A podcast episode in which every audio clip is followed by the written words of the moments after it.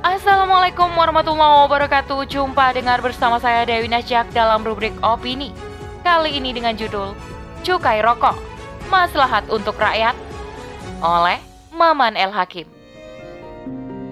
Dalam konteks negara kapitalisme Produksi rokok tidak mengacu pada nilai mudarat atau maslahat Melainkan adanya nilai keuntungan yang didapatkan dari konsumen atau masyarakat Yang sengaja dibuat kecanduan dengan mengisap asap kenikmatan aroma tembakau tersebut. Selengkapnya, tetap di podcast Narasi Pos Media. Narasi Pos, cerdas dalam literasi media, bijak menangkap peristiwa kunci.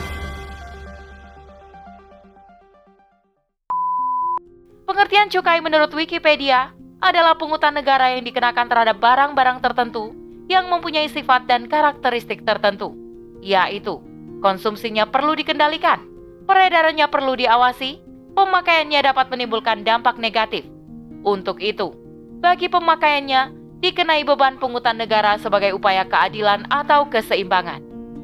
Beberapa barang yang dikenai cukai seperti minuman yang mengandung etil alkohol dalam kadar berapapun, kemudian hasil tembakau yang meliputi sigaret, cerutu, rokok daun, tembakau iris, dan hasil pengolahan tembakau lainnya dengan tidak mengindahkan bahan yang digunakan atau bahan pengganti atau ekstrak tambahan lainnya. Pendapatan dari cukai barang-barang tersebut sangat besar untuk penerimaan kas negara, terutama cukai tembakau yang jadi primadona di negeri ini. Seperti dilansir kontan.com pada 22 Desember 2021, diperoleh data anggaran pendapatan dan belanja negara atau APBN mencatat realisasi penerimaan cukai hasil tembakau atau CHT sampai dengan akhir November 2021 sebesar 161,7 triliun rupiah. Dan di akhir 2021, target pemerintah sebesar 173,7 triliun rupiah. Hal yang wajar bila pemerintah berencana menaikkan kembali tarif cukai rokok di tahun 2023 sebesar rata-rata 12 persen. Secara mekanisme, struktur tarif cukai rokok juga disederhanakan dari sebelumnya 10 layar menjadi 8 layar Artinya, dari cukai rokok yang diharapkan bisa diperoleh penambahan pendapatan kas yang lebih besar lagi secara lebih mudah.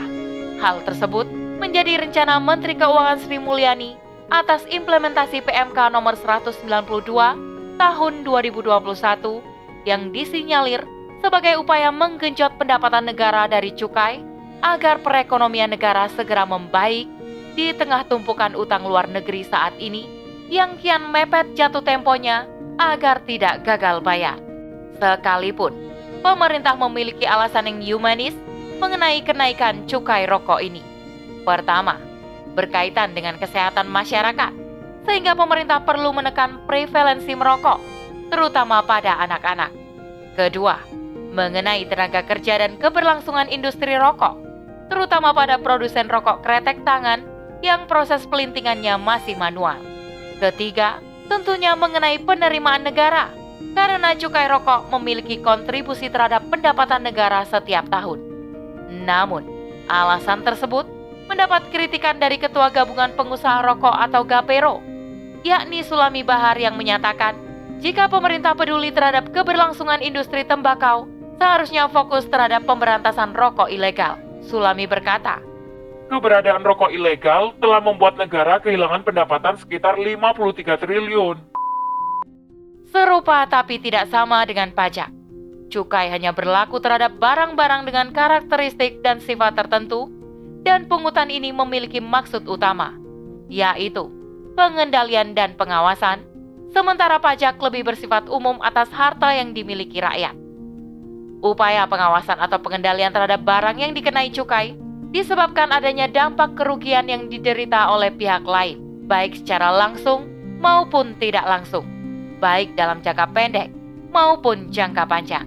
Kesimpulannya, cukai bersifat sebagai bagian pertanggungan resiko kerugian pihak lain. Maka akot cukai dalam fikih adalah masuk cabang dari akot delaman alias ganti rugi.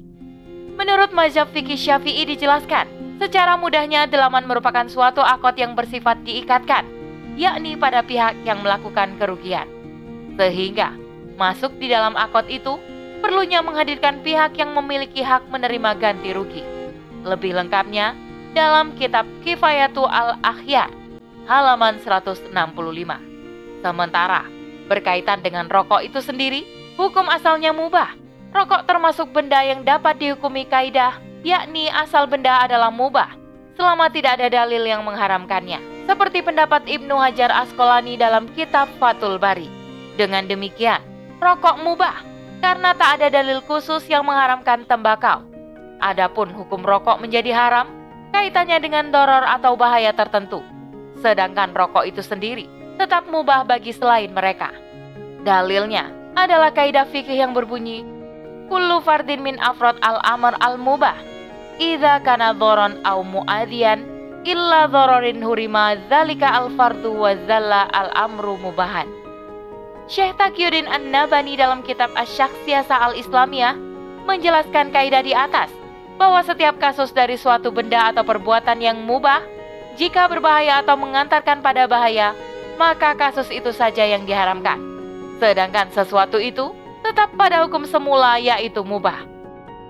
Berdasarkan hal ini, rokok dihukumi haram hanya bagi individu tertentu yang terkena bahaya tertentu, semisal kanker jantung atau paru-paru.